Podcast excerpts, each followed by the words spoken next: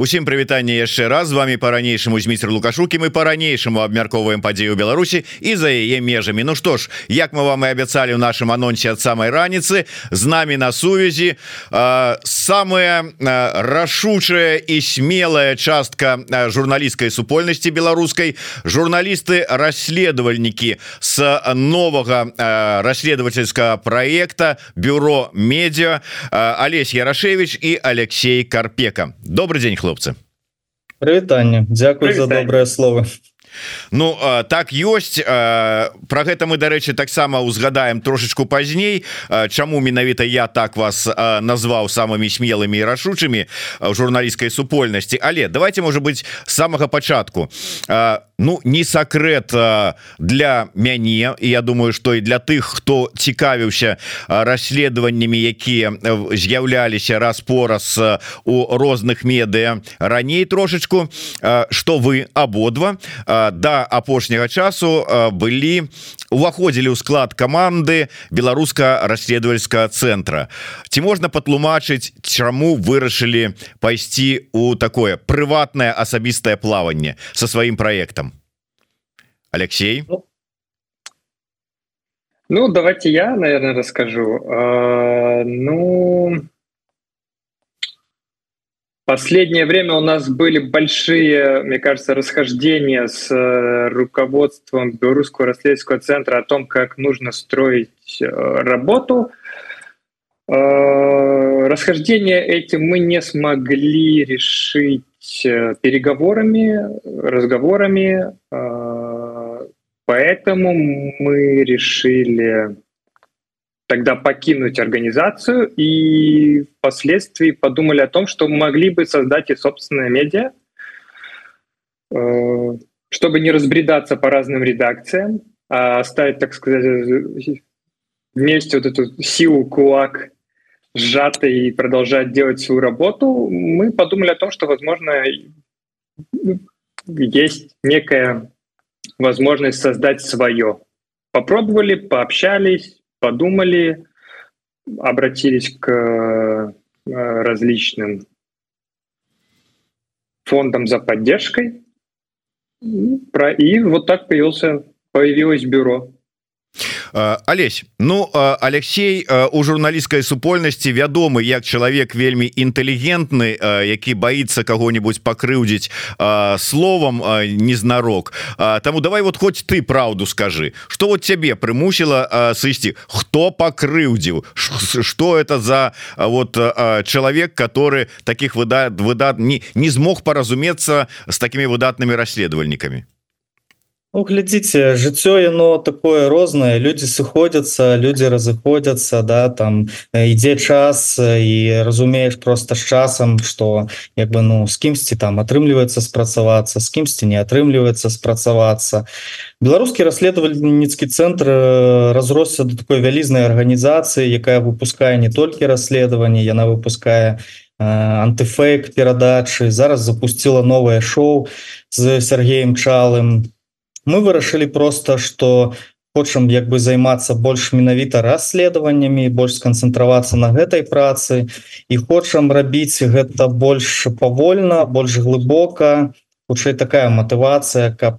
спакойна займацца расследаваннямі Ну і мы спачатку сапраўды думалі э, так яно там одно за одно другое за другое як бы. І вот настал момант калі мы вырашылі на абвясцілі пра сыход і спачатку думалі разбегчыся по розных рэдакцыях былі нават прапановы ўжо з іншых рэдакцый але на дзіва як бы э, у нас добрыя стасункі там з калегамі з іншых краін э, з якімі мы давно працуем по розных тэмах Ну яны сказали нам что ну ребята у вас такая як бы класная команда будзе вельмі шкада калі мы яе згубім давайте стварайце сваё мы вас падтрымаем і вот мы знайшлі такую падтрымку сярод коллег там з літвы з Латвіі з іншых краін якія нас зматывавалі до того каб запусціць сваё меты страшно канешне было як бы як это штосьці сваё атрымаецца не атрымаецца Ну дзякуй Богу все атрымалася Дарэчы давай вот вернемся давайте адбо да абодвух будзе можа быть пытанне да майго вот першых таких словаў якія вы сказали вот Дякуй табе на добрым слове. Але сапраўды вот было раней вельмі ну шмат таких ну может быть прэтэнзій назовем да ўсёй беларускай журналістыкі что не хапае сур'ёзных добрых расследаванняў что ну неяк вот гэтая ніша не занятая зараз вот вы у у тым ліку у межах расследовательского центра там паспрабавалі занять гэтую нішу заняться але наколькі ўсё ж таки у сучасных реаліях сур'ёзнымі расследаваннями Мачыма займацца? Вот мы кажем про беларускую нішу про нас вот беларускіх расследавальнікаў. Ці ёсць магчымасць асабліва з улікам что мы зараз знаходзімся вообще за мяжой? Алексей. Да Конечно, можно заниматься, и, и мне кажется, сейчас более чем успешно, если есть э, желание этим заниматься, время и возможность, да, потому что расследовательская журналистика это очень долгий процесс, он требует довольно большое вложение времени и чаще всего еще и денег, потому что многие базы данных они не бесплатные.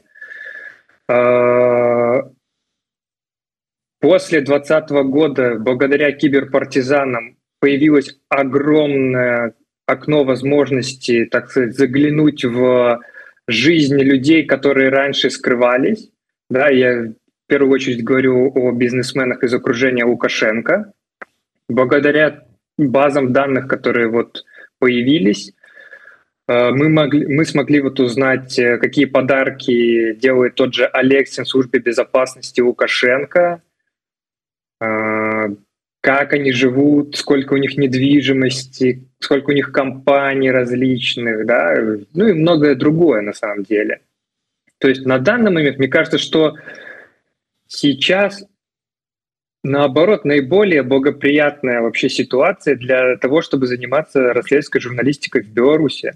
Да, это сопряжено с определенными сложностями, в том числе потому, что мы находимся все не в Беларуси, и э, какие-то вещи мы не можем делать, да, мы, может, чего-то не видим, и, или какие-то темы там, не, ну, из-за того, что мы не на земле, так сказать. Вот. Но, в общем и целом, мне кажется, сейчас более чем благоприятная ситуация для развития расследовательской журналистики в Беларуси. Что скажет Олесь? Э, мне здаецца увогуле что пасля двадцатого года расследавальніцкая журналістыка ў беларусі э, атрымала такое другое другое другое дыханне да другі такі як бы подых. І сапраўды вот як лёша казаў что па-першае як бы з'явіўся вялізны масіў дадзеных ад кіберпартызанаў з якім можна працаваць і працаваць як бы і даведвацца шмат цікавае про там э, кампаніі жыццё як бы людзей набліжаных да атачэння лукашэнкі пра іх саміх у прыватнасці да да як бы шмат цікавага там ёсць. По-другое пасля двадцатого года з'явіліся люди якія готовы дзяліцца інфармацыяй так? З'явіліся з'явілася больш інсайдераў да? Людзей якія там спачуваюць дэмакратычным сілам і хочуць зрабіць свой нейкі унёсак да у агульную справу і яны готовы там зліваць нейкія паперы напрыклад да про то что адбываецца ў Беларусі альбо даваць там нейкую інфармацыю. З аднаго боку канешне шмат якія людзі якія зараз застаюцца застаюцца в беларусі яны там не ідуць на контакт альбо вельмі асцярожныя. З іншага боку ёсць там былыя чыноўнікі якія зараз у розных структурах дэмакратычных працуюць якія готовыя дзяліцца нейкай такой закрытой інфармацыяй. Тому Мне здаецца что вот расследавальская журналістыка ў Беларусі выйшла на новы ўзровень і э, дапамагло гэтаму таксама кааперацыя замежнымі сМ бо раней напрыклад журналісты ў Беларусі рабілі расследаванні у асноўным самі по сабе да то бок э, там ежедневнік рабіў сам сабе расследаванні там наша ніва сама сабе як бы рабіла расследаванне беларускі расследавальскі цэнтр зараз і мы пачалі рабіць расследаванні супольна з калегамі з розных краін. І гэта таксама вялізныя магчымасці бо мы можемм заглянуць у рахункі офшорных кампаній там беларускіх бізнесоўцаў набліжаных да ўладаў і гэтак далей. Ну ёсць магчымасць доступа да розных баз каб паглядзець э, там э, на напрыклад асабняк алексіна у Дубаі альбо там на э, нерухомасць гуцырыева ў Лондоне і гэтак далей. Пра што раней не было вядома.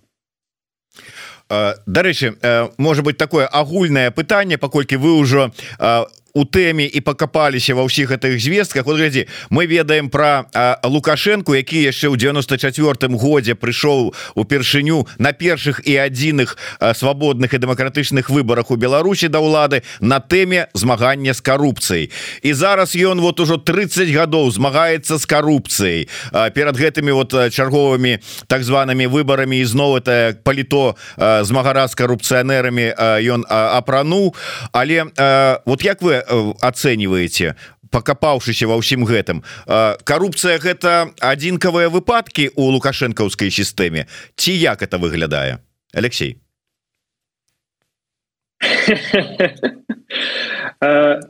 Нет это не единичные случаи коррупции.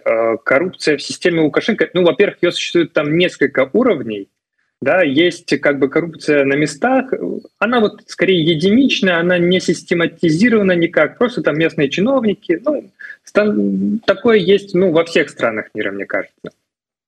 Есть другой, намного более серьезный уровень, это, так сказать, систематизированная частно-государственная коррупция, в которой участвуют как э, государственные компании – так и условно частные бизнесмены, которые используют самые разные серые схемы для э, обогащения себя и ближайшего окружения Лукашенко. Вот. Поэтому что скажет на это Олесь? Ну, мне здаецца, что ввогуле як бы э, лукашенко выбудаваў сваю такую як бы да сістэму коррупцыі э, на самым высокім узроўні бо ён як бы э, лічыць Беларусь сваёй уласнасцю да. То бок вот ёсць Беларус і все что там унутры гэтай краіны яно належыць мне. І я ім распаражаюся як хачу да і потым ён просто раздае розныя ільготы прэферэнцыі розным бізнесоўцам напрыклад адзін з таких яркіх прыкладаў гэта вот э, брэмена орша такая асобая эканамічная зона як бы я уяўляю сабе як это могло адбыцца значится там есть кампанія якой якая кіруе гэтай асобай эканамічнай зоны яна называется брэмена груп гэтая кампанія там на парытэтнай аснове належыць от этой агульнавядомай троіцы. Алексей алексин Александр зайцаў Миколай воробей прыходзяць яны такія там наверх да лукашэнкі а зайцаў дарэчы працаваў з Віктором лукашенко і кажуць ёсць тэмка давайте створым офшор Э, на мяжы з Расіем і будем ганяць товары что для гэтага трэба?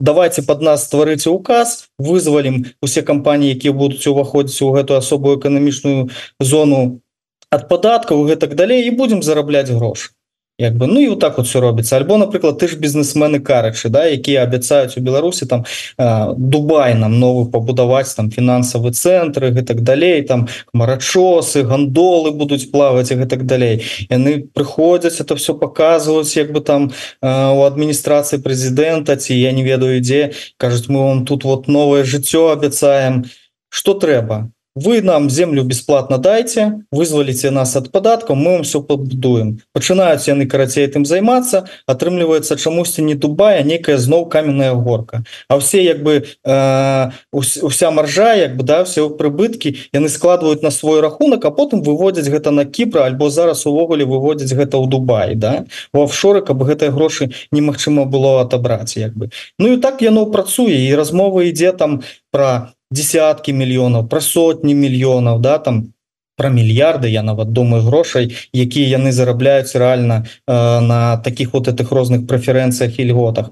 Ну альбо наше все гэта вот это розныя шэрыя схемы. Типа давайте купим машины э, у Европе і перапрададзім их у Россию альбо давайте мы там э, э, э Россия забараніла поставлять продукты харчавання будем ганяць э, польскія яблыкі лепіць на іх маркіроўку беларускую что-то яны беларускія так далей. Альбо там цыгареты будем контрабандай возить у Россию у Европу и так далее такое. Ну тут як бы у сярод этого атачэння там шмат спецыялістаў якія вельмі крэатыўныя прыдумляюць вельмі шмат таких розных гэтых схемаў на якіх можна зарабіць. І мы бачым что там не толькі як бы это бізнесоўцы напрыклад людзень удзельнічаюць у тых схемах а кампаніі якія звязаныя з Віктором шейманом да справай рукой лукашэнкі з чалавекам які быў з ім ад самага пачатку. Про гэта ж по тэлебачанні не расказваюць Ну ты так с любоўю про іх сказаў крэатыўныя люди здотныя здаль здольныя на розныя цікавыя проекты. Але давайте до да вашага проекта бюро медыа дарэчы спасылочка на гэты проект арганізаваны командай журналістаў расследаванікаў ёсць і у нанонсе на сайте еврорады і тут вось у нас у каментарах але у вот вы ствар вырашылі что мы э, застаемся командой мы будем працаваць мы ствараем свой проект. Трэба з чагосьці стартануть. Як выбирали тэму першага ну, расследования. займал я займаўся гэтай тэмай як выбіралі я скажу так что чаму як бы яна чаму вырашылі з яе пачынаць.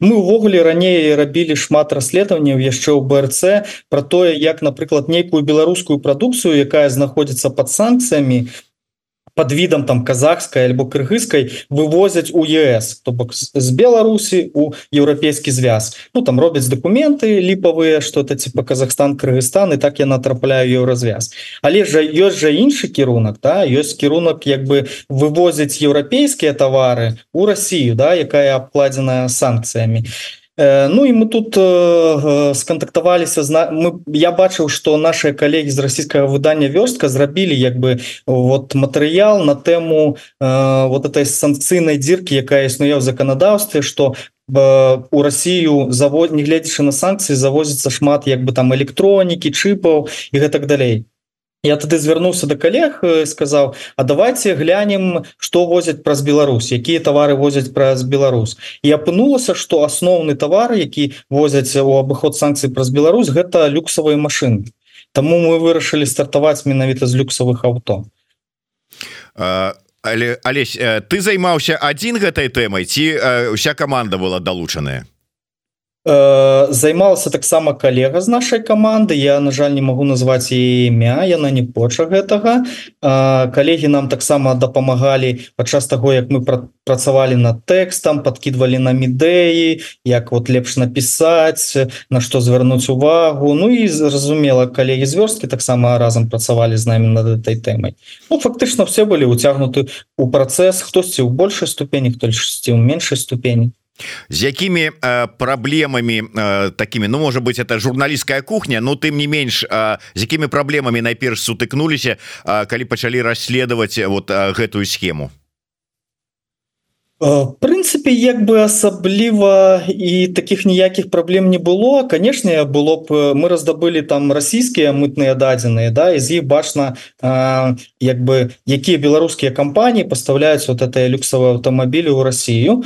Шкада канешне на расійскім рынку як бы больш магчымасцяў да і можна раздабыць такія вот схаваныя дадзены На жаль як бы ну вот у Беларусі падобныя дадзеныя як бы раздабыць нельга. Каб побачыць як бы да А хто ў Беларусь як бы завозіць гэтыя машины адзіная як бы магчымасць гэта пагаварыць з гульцамі на рынку да з імі як бы а, альбо там звярнуцца напрыклад да дзяржаўных органаў у той жа літве і Польшы якія могуць падзяліцца нейкай інфармацыі тут такая праблема что тая ж літовская мытня нам сказала что так мы ведаем про эту схему что машины увозяцца ў Беларусь потым перапрадаюцца ў Россию в абыход санкцый але мы вам не можем назваць кампаніі бо гэта камерцыйная тайна як бы да таямніца і гэтак далей Ну і шкада канешне что у шмат якія героі да нашага расследавання адмаўляліся ад каментароў як бы что ну там я типа не каментую як бы да там их и так далей.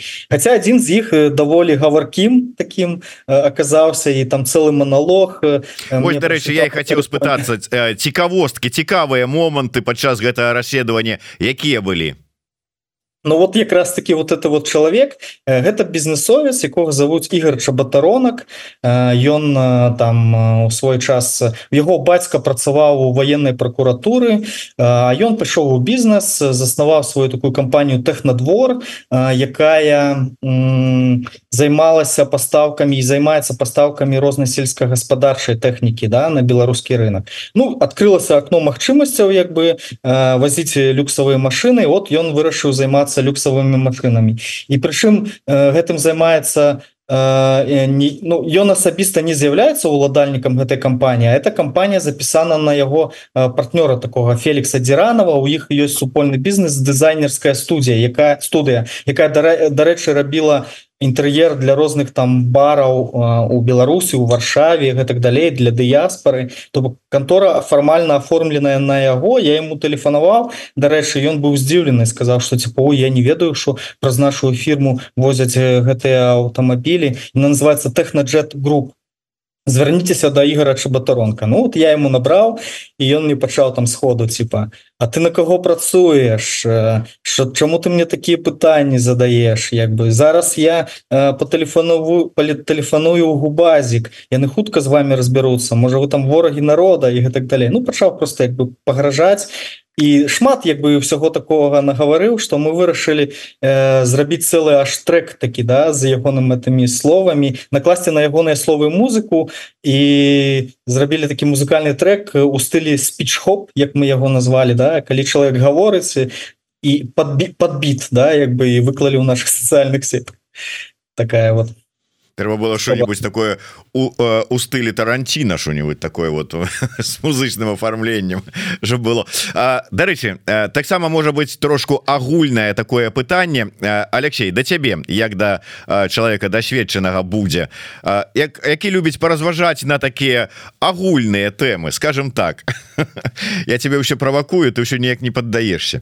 Глядзі ўсё ж таки у журналістыцы ну як і у любой професіі здараюцца свае памылки журналісту Ну можа быть калі это некая там помылка ведаешь там прозвішча не так написали ці там яшчэ что-нибудь можно там просто вырашыць пытанне там прабач прабачэнне над выдали там на афіцыйна там у матэрыяле наступным ці яшчэ что-нибудь. Але калі мы кажем про расследовательскую журналістыку то тут нейкія помылки яны могуць мець но ну, такие больш сур'ёзныя скажем так наступствы. Калі там скажем нешта написали про які-нибудь бізнес а потым аказалася что а бізнес-то і не прычым і прызналі что не прычым а асадачак астался і люди грошы згубілі з-за гэта. Ці там скажем за нейкага яшчэ там некага слова подставілі там ці не подставілі а узніклі пытанні там скажем да нейкіх там дэмакратычных структур там ці яшчэ что-небудзь я да чаго кажу гэта ўсё? Я разумею что ніхто не застрахаваны ад памылак. Вы улічылі гэты вопыт? Вы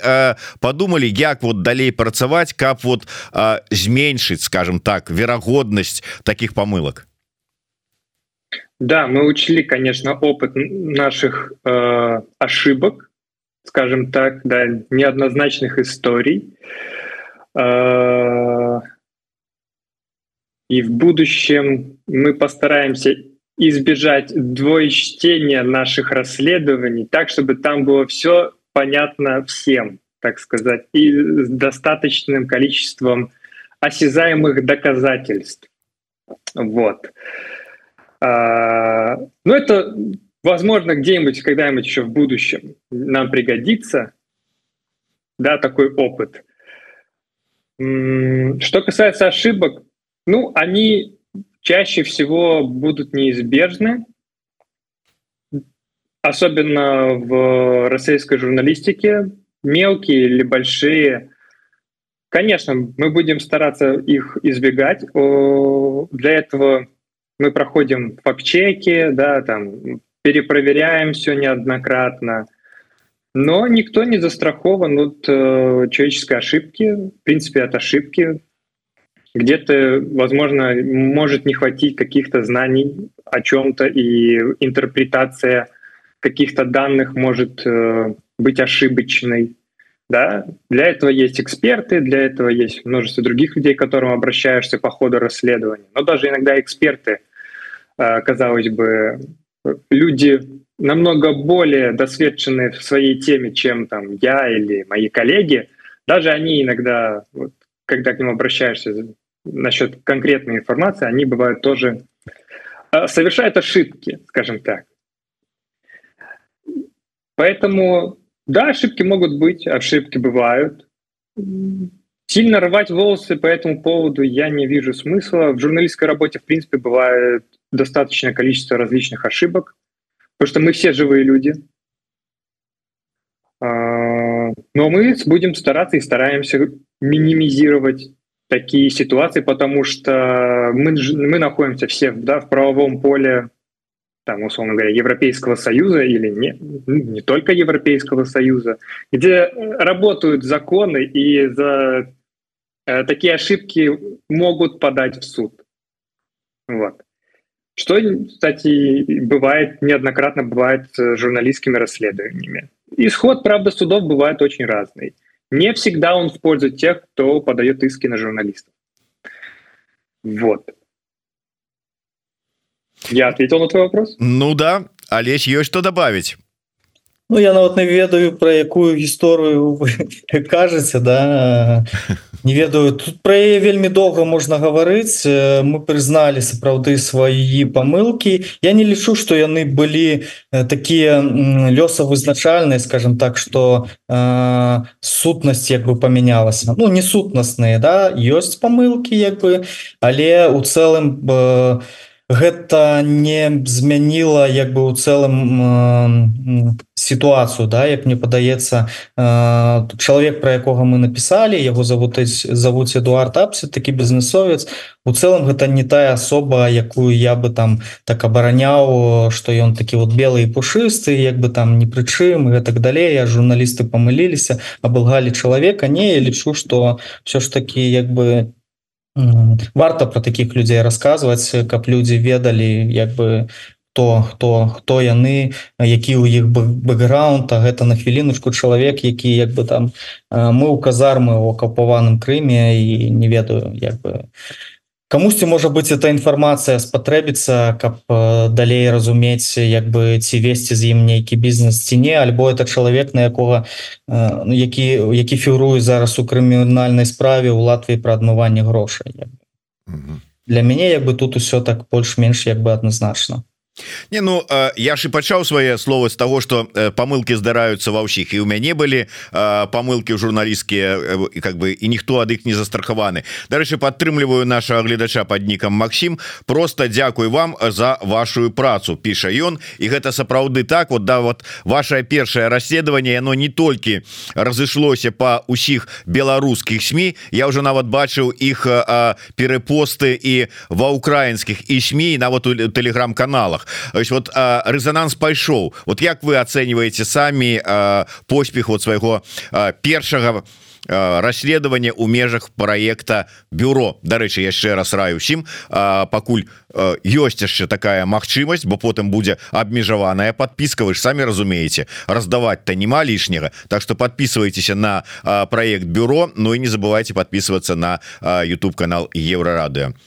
Так что вот крыласка вам такое пытанечка Э, ну мы так збіралі як бы дарэчы інфармацыю про тое наколькі разышлася разышлося наше расследаванне і 10 каля 30 узгадак у розных сМ як вы сапраўды казалі у беларускіх сМ у расійскіх сМ ва украінскіх сМ про гэта расследаванне написали Ну і вот нас запрашаюць на эфиры там был сад запрасіў на эфир вот еврорадыю Дякую вялікі вам запросили нас на эфир тому так сапраўды резонанс ёсць. Мы зараз толькі чакаем нейкай такой рэакцыі ад чыноўнікаў да якія прымаюць рашэнне. Маю на увазе не беларускіх да еўрапейскіх і нам усё абяцаюць адказаць у офісе спецдакладчыка па санкцыях пры еўракамісіі. Ёсць такая пасада як бы да і у вот спрабую все раздабыць э, каментар адтуль все кажуць вот зараз зараз дашлем так что чакаем что яны адкажуць як яны адрэагуюць на тое что вот есть гэтая дзірка да як бы санкцыйная якой карыстаюцца бізнесоўцы каб перапрадаваць э, машину з Европы ў Россию праз Беларус А вот про беларускіх чыноўнікаў добрыя такія словы. Алексей пытанне будзе да цябе Ну ўсё як ты любіш з прэтэнзіяй скажите піша хуткі смоўш а паўплывалі ваши расследаванні на спыненне абыхода санкцый і махінацый машины як ехалі так і едуць лес як пілілі так і пілуюць самолеты як ляталі так і ляцелі так і лётаюць цыгареты як шлі кантрабандай так і ідуць так вот ввогуле ну тут такое можа глобальное пытанне але а, можна сказать про ўсю расследовательскую журналістыку ва ўсім свеце ці ўплывае яна як-небудзь на вырашэнне ситуации Ну але калі брать все ж таки конкретно вашу працу і Беларусь. Вот ёсць нейкія кейсы станоўчыя прыклады? Да, есть. К сожалению, не каждое расследование про обход санкций вызывает какую-то реакцию у чиновников, да, у тех, кто может принимать решения по для того, чтобы прекратить вот эти все серые, серые схемы.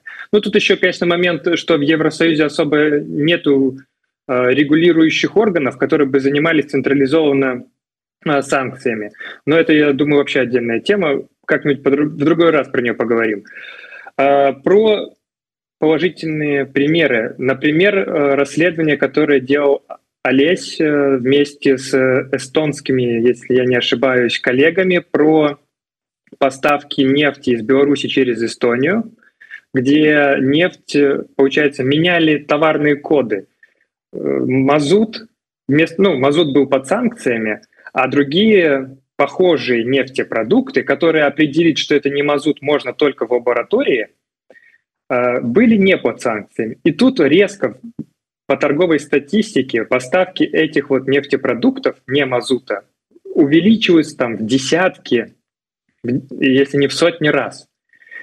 А, смотрим, кто поставляет, кто вообще этим всем занимается, и там компании, связанные с бизнес-партнером а, Воробья, а, ну, про лукашенковского бизнесмена. После публикации расследования в Беларуси и Эстонии эстонские власти отреагировали чуть ли не на следующий день. Премьер-министрка Эстонии заявила, что они примут все необходимые меры, ввели под национальные санкции вот эти товарные коды, которые не были под санкциями, э, призвали Латвию, Латвию и Литву сделать то же самое и вывели этот вопрос на общий евросоюзовский уровень, чтобы внести эти нефтепродукты также в санкционный список. Но там еще началась война вскоре после этого, там через месяц, по-моему. Так что это решение было принято очень быстро. Практически все, если не все нефтепродукты из Беларуси сейчас под запретом в Евросоюз. Э, как э, закупка, так и перевозка, то есть транзитом. Вот. Это один из таких очень положительных примеров, где очень быстрая реакция была на расследование. Але Если... але вот бач мы тут говорим прынцыпе как бы про еўрапейскі бок як ён можа рэагаваць і рэагуе. І у прынцыпе там-то законы ёсць і яны працуюць. А Украіне дзе иногда не да законаў с аднаго боку а з другого боку як ты сам сказаў что стру у прынцыпе крышуе гэтую усю коррупцыю усю эту схему адміністрацыя лукашэнкаўская так ці можна разлічваць что там будуць прымацца нейкія сапраўды меры для того каб гэта было знішчана на карню такія злачынствы? Ну выкрылі такія вось нехарошие рэдзіскі як Алесей Алексей на некую схемку. Но яны прыкрылі тут а раз і перанакіравалі у іншы бок. Да і ўсё ці, ці, ці не так яно працуе Да, примерно так оно и работает.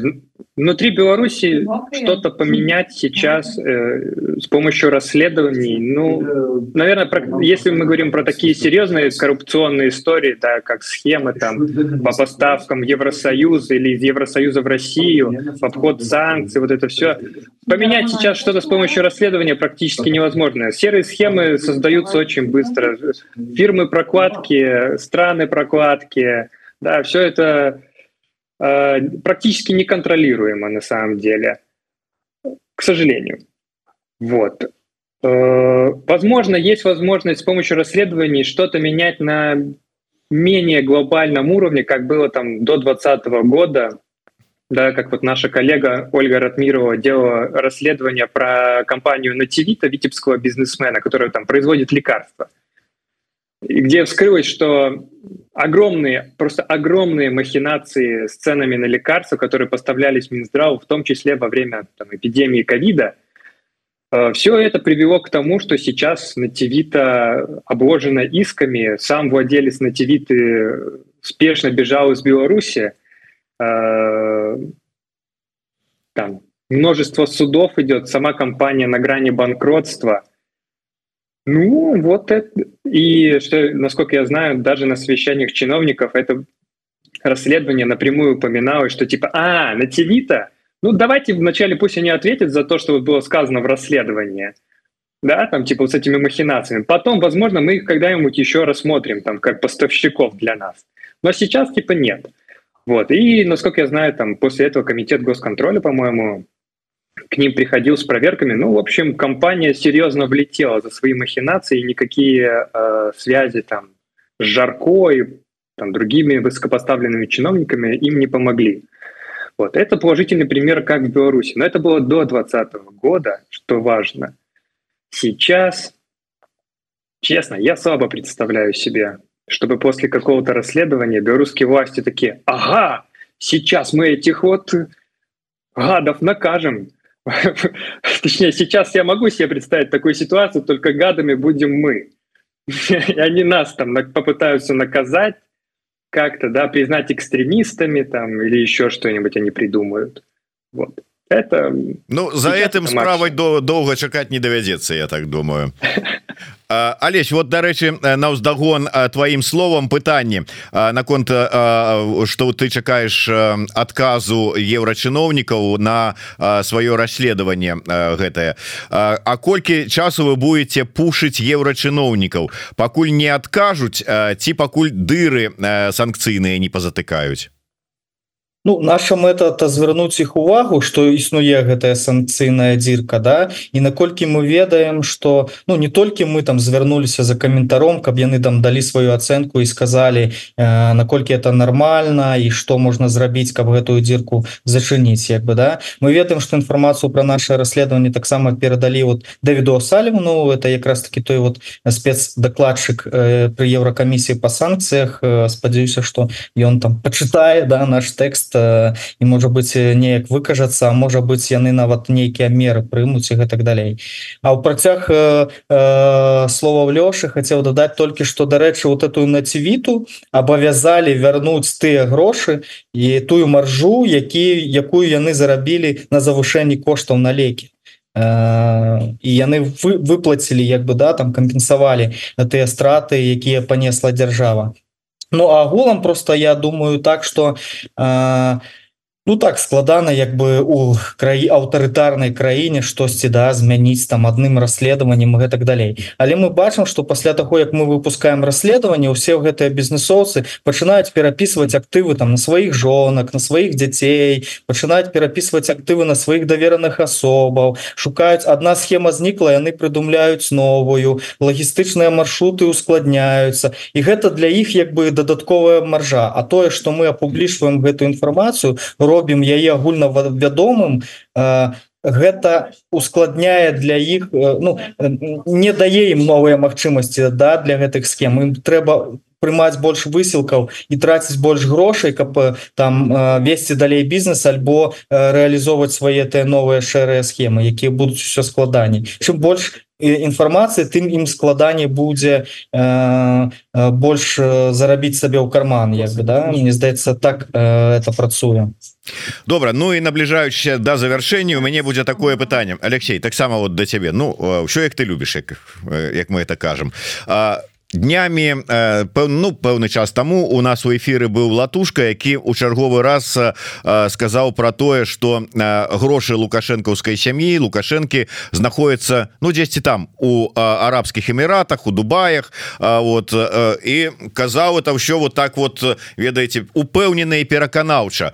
Можа яно і так але ж ніхто не знайшоў конкретно не даказаў. А лукашенко ты ж сам памятаешь колькі разоў кадаў. Казаў знойдзеце грошы забирайте можа быть варта вам що ж таки як на сапраўдным журналістам расследавальнікам заняться гэтай тэмай ды знайсці гэтыя грошы. Хоць будзе на падтрымку беларускіх дэмакратычных сілаў беларускай дыаспоры Ну і вас таксама вашего проекта Ну это я так образно падышоў до пытання про планы на нас на будучае на наступное расследование нет ну конечно мечта любого белорусского журналиста это найти деньги лукашенко.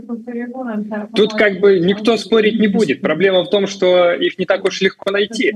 Вот. Но, конечно, мы бы хотели, наша, наша да, мечта в бюро, такая сверхцель, это найти деньги Лукашенко. Но, знаете, может быть, это та мечта, которую никогда ты не сможешь достигнуть. А может быть и наоборот. Хотелось бы верить, что все-таки найдем. А, что касается планов на будущее, то в декабре мы планируем выпустить еще одно расследование. А, оно будет уже не о бизнесменах, оно будет об одной общественной организации, которая продолжает работать в Беларуси, которая очень сильно аффилирована с белорусскими властями. А, в нашем распоряжении оказался гигантский массив их документации, которую мы вот последний месяц усиленно изучали, скажем так. А, Пока это будет первая история про них. Возможно, в будущем мы выпустим что-то еще про эту организацию. Я пока не буду говорить, что за организация, оставлю такую легкую недосказанность. Жуда, Я... знаешь, ты, ты шмат намекаў зрабіў каб вот эта недосказанность была ничего не знаю таких организаций много ну конечно да а кіраўнік этой организации не ездзіў на донбасс и не хадзіў во флісе з літарай z тут вот не знаю, не знаю. Смотрите в нашем расследовании. Вот. Надеюсь, что к концу декабря мы выпустим первое расследование об этом. Ну что ж Дякую вялікі таким чынам чакаем наступнага расследавання. Ну і не аднаго я так думаю.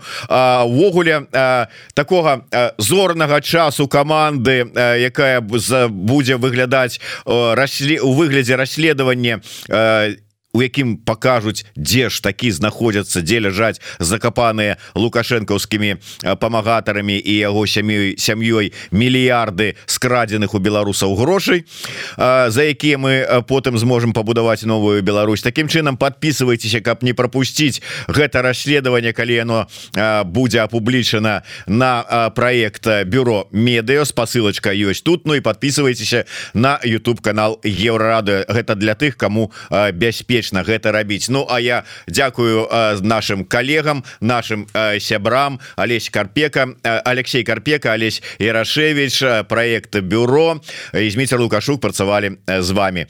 Слухайте глядзіце подписывайтеся расшарвайте каментуйте Ну самі ведаеце дарослыя люди что рабіць і як это рабіць. Жыве Беларусь! Жыве!